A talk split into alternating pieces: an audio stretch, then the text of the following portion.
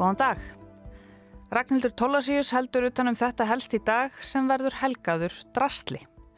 Nú standi við breytingar hjá okkur í helstinu og meðan þá leifum við röttum nokkura eldri umsjónarmanna að heyrast. Ég heiti Sunna Valgeradóttir og er umsjónarkona þáttarins en gefum nú Ragnhildi og drastlinu sviðið. Því hefur verið sleið upp í fjölmörgum fjölmiðlum, innlendum sem erlendum undanfarna daga að konan okkur hafi gefist upp á að halda heimili sínu fullkomlega skipulögðu. Um málið hafa verið skrifaðar langar greinar á miðlum sem taka sig alvarlega eins og Washington Post og Guardian. Og hvað er svona merkilegt við það að einhver ráð ekki við að halda fullkomið heimili? Er það ekki bara nokkuð algengt? Jú, það er engin önnur en tiltektar gúrúið Marie Kondo sem nú hefur gefist upp. Ég heiti Ragnhildur Torlasíus og þetta helst í dag fjöldum við um Marie Kondo og hvort að hægt sé að gera lífið betra með því að taka til. Hello everybody. My name is Marie Kondo. Call me Konmari. Konmari. Yes. I am a Japanese organizing consultant. Marie Kondo er japanskur tiltöktaráðgjafi sem hefur notið ótrúlegarar hilli. Hún er sjálfsjálpar superstjarnar. Hún er 38 ára, hefur verið aðal stjarnan í tveimur Netflix-seríum um tiltökt, rúmlega fjórar miljónir fylgja henni á Instagram og 725.000 fylgja henni á YouTube.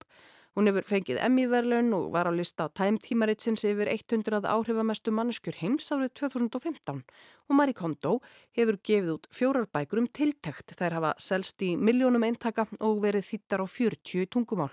Svo vinselast að kom út árið 2011 en hjá forlæginu í íslenskri þýðingu árið 2016.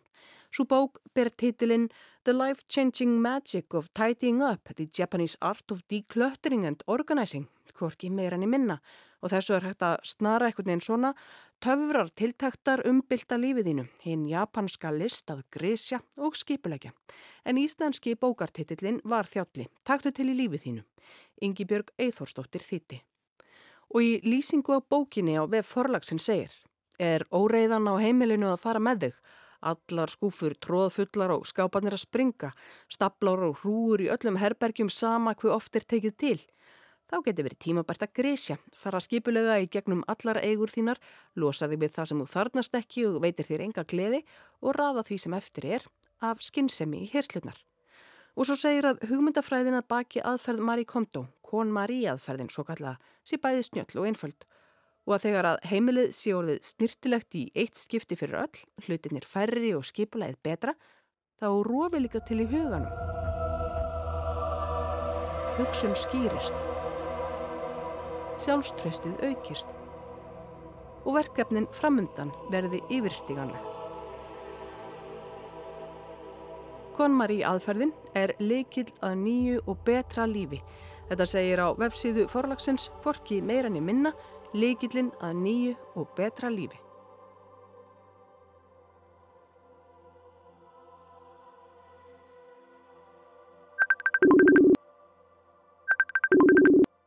Já, ég heiti Sólei Dröf Davíðsdóttir og er salfrangur á kvíðumæfyrstöðinni.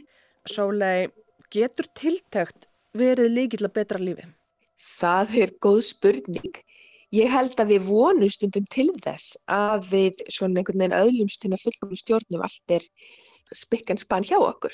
Mm. Og ég held að ef gildi mín eru þau að það muni veita mér alveg sérstakar hamingu að það hafa allt rosalega fínt hjá mig, þá kann það hafa áhrif mín að hamingju, en það fyrir svolítið eftir hvað veitir hverjum og einum hamingju, svo erum við ekki rosalega góð að spá fyrir um hvað muni veit okkur hamingju, þannig að ég held að við höldum það sum, að ef við náum alveg að hafa allt svona einhvern veginn undir kontróla þá verðum við ótrúlega hamingjum.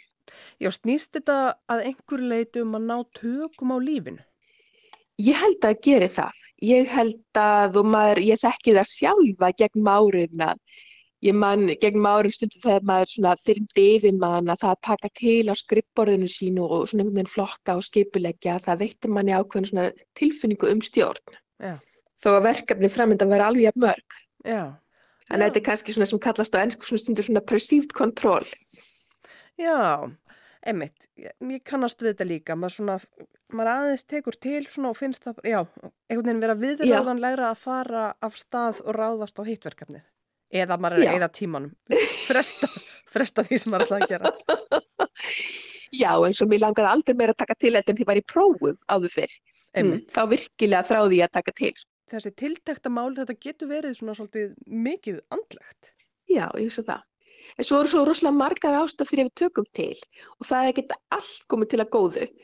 Það er mjög gott auðvitað að temja sig við sem venjur þessum efnum og ganga þokkalega um, þannig að í það minnsta upp á hreinlæti og svoleiðis en En svo náttúrulega tökum við til að alls konar ástæðum til þess að sína hvað heimili okkar er, er flott og fínt. Það getur verið til að stýna status eða ótti við álit annara að það má enginn sjá drasl hjá mér að því að þá getur við komandi fundist eitthvað um mig og svo framvegs. Mm -hmm.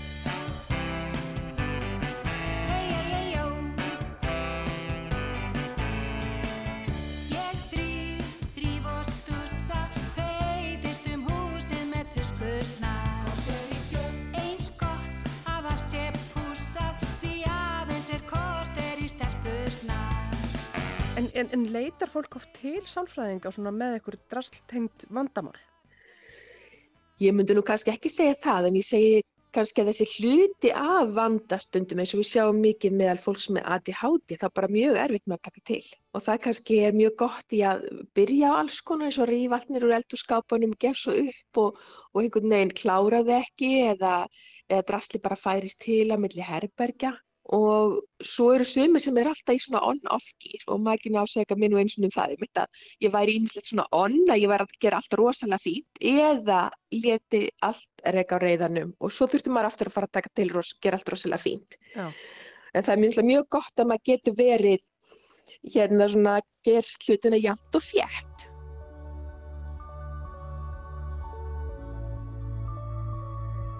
Aðferð Marie Kondo Kon Marí aðferðin gengur út á að taka til í réttri röð. Það er byrjað á fötum, næst er ferði í bækurnar og svo koll af kolli í gegnum heimlið, pappirar flokkaðir, næst allskonardótari og lókum hlutir sem að hafa tilfinningalegt gildi. Og það eru aðeins gildir eftir hlutir sem að veita gleði, spark joy eins og Marí Kondo kallar það. Hinu er hent eða gefið en áður en að hlutnum er hent út er þakkað fyrir þjónustuna. 初めて自分の過去に型をつけることができます Árið 2014 lísti Marie Kondo því að hún hafi sem unglingur notið þess mjög að skipulegja og laga til.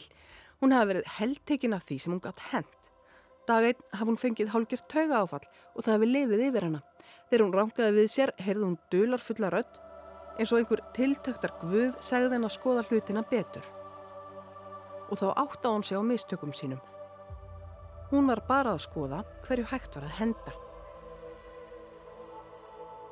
Þarna hafi Conmarí aðferðin orðið til, galdurinn væri ekki að henda því sem hægt var að henda, heldur aðeins að halda því sem að veitti gleði. Þegar hún var 19 ára stopnaði hún ráðgjafafyrirtæki, skipulags og tiltæktaráðgjöf og náði svo ótrúlegum árangri með boðskapsinn. Í morgunblæðinu árið 2019 segir frá því að tiltæktar aðferðin breyðist út sem eldur í sinu. Það sé mikið að gera hjá verslunum í bandaríkjónum sem taki við notuðum fatnaði og bókum og Íslandi hafi ákveðin gerð tiltæktarboksa í IKEA selst upp. En hvenar þarf fólk að fara að hugsa sinn gang?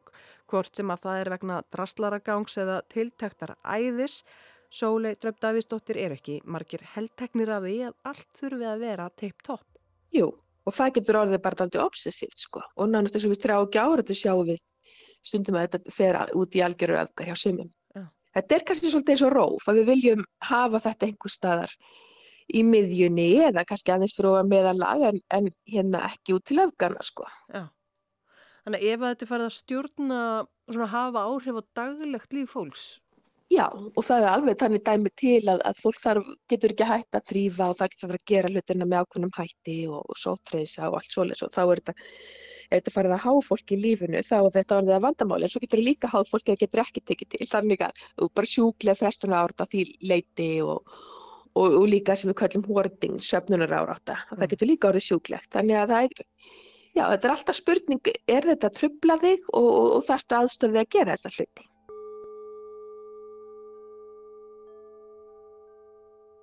Í Washington Post á dögunum var haft eftir Marie Kondo að fram til þessa hefði hún lagt sig mjög fram við að hafa heimili sitt snirtilegt öllum stundum, allt frá gengið, en það væri það atvinna hennar. En hún hefði nú gefist upp á því. Á jákvæðan hátt Nú neytur hún þess að vera heima með börnunum sínum þremur. Það hafi umbylt lífi hennar að eignast sitt þriðja barn sem gerðist árið 2021 og núna sé stundum óreiða heima hjá henni. Hún segir að það sé bara ekki raunhæft fyrir marga að heimilið sé fullkomlega í rauð og reglu. Já, almálið er bara þetta kannski að, að kannski eru sumi bara sátt við að eigða miklum tíma og orgu í þetta og þá er það kannski ekki vandamál en maður kannski fyrir aðra í kringum og stundum. Og þetta er svolítið spurning hvernig maður vil eigða lífinu sínu. Hún er núna, Marie Kondo sem að er nú ástæðan fyrir að við erum að spjalla saman, hún eignaðast sitt þriðja barn árið 2021 og eftir það, eftir hún eignaðast þriðja barnið að þá svona segir hún að það sé bara stundum óreiða heima hjá henni Einmitt. og er núna að segja fólki að Já.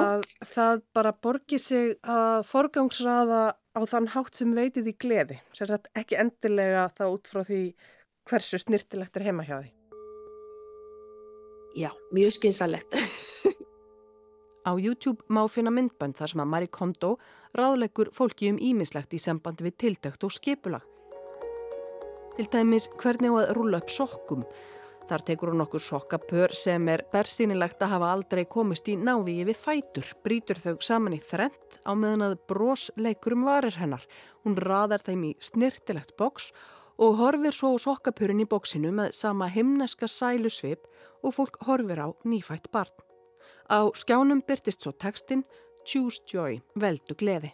Skilabúðin eru að ef þú raðar sokkunum þínum snirtilega upp í röð, fyllistu lífshamingu. En svona er lífið ekki. Það er óreiða í lífinu saman þó að sokkaskúfan sé vel skipulögð og jafnvel elegant eins og hjá Marie Kondo eða eins og hún allavega var hjá Marie Kondo. Og það er ekki annað hægt en að flokka konmar í aðferðina undir æði, dellu sem að greip fólk. Af hverju svo lei er fólk svona spennt fyrir lausnum sjálfskeipaðra gúrúa? Ég held að við séum alltaf að leita að tröfralaust og kannski einfaldri laust á hlutum. Hvor sem að það eru einhver ný aðferð til þess að bæta geðheilbrið okkar eða, já og hún tengir þetta svolítið við hamingi. Það að að ef þú nærið að hafa þetta allt rosalega fínt þig þá verður þú hamingisum. Þetta er bara svolítið eins og í auglýsingunum að þetta er eitthvað kók þá verður þú hamingisum með eitthvað svo leiðis. Og ég held að það sé auðvitað della en við þráum skipula og þetta það er ekki tilvílun það búið að gefa út alveg bara þúsundur að bókum um skipula. En okkur gengur auðvitað misjaflega að fylgja því. Já og lífið er náttúrulega bara kannski ekkit sérstaklega skipulagt. Nei, og í rauninni höfum við kannski minni stjórn en við höldum, en, en þetta veitir okkur kannski þessa tilfinningu að, að, að það sé allt í orden. Marie Kondo er hverginari af baki dottin þó að nú sé stundum óreiða heima hjá henni. Hún hefur gefið út nýja bók sem heitir á ennsku Marie Kondo Kurasi at Home How to Organize Your Space and Achieve Your Ideal Life. Þar er fókusun á Kurasi sem á japansku mun þýða leið til að lifa. Fyrir áhuga sama er rétt að benda á vefverslun Marie Kondo. Það sem hægt er að kaupa ímislegt, geimsluboks, tekkalla, fartölvustatíf, bókastóðir, tilbeðslu skálar, jólaskraut, línver utanum tissjúkassa, kísustittur, baðsöld, fugglahús, náttljósi líki dimsum dömplinga og á einhvern óskiljanlegan hátt borðlampa úr raunverulegu brauði.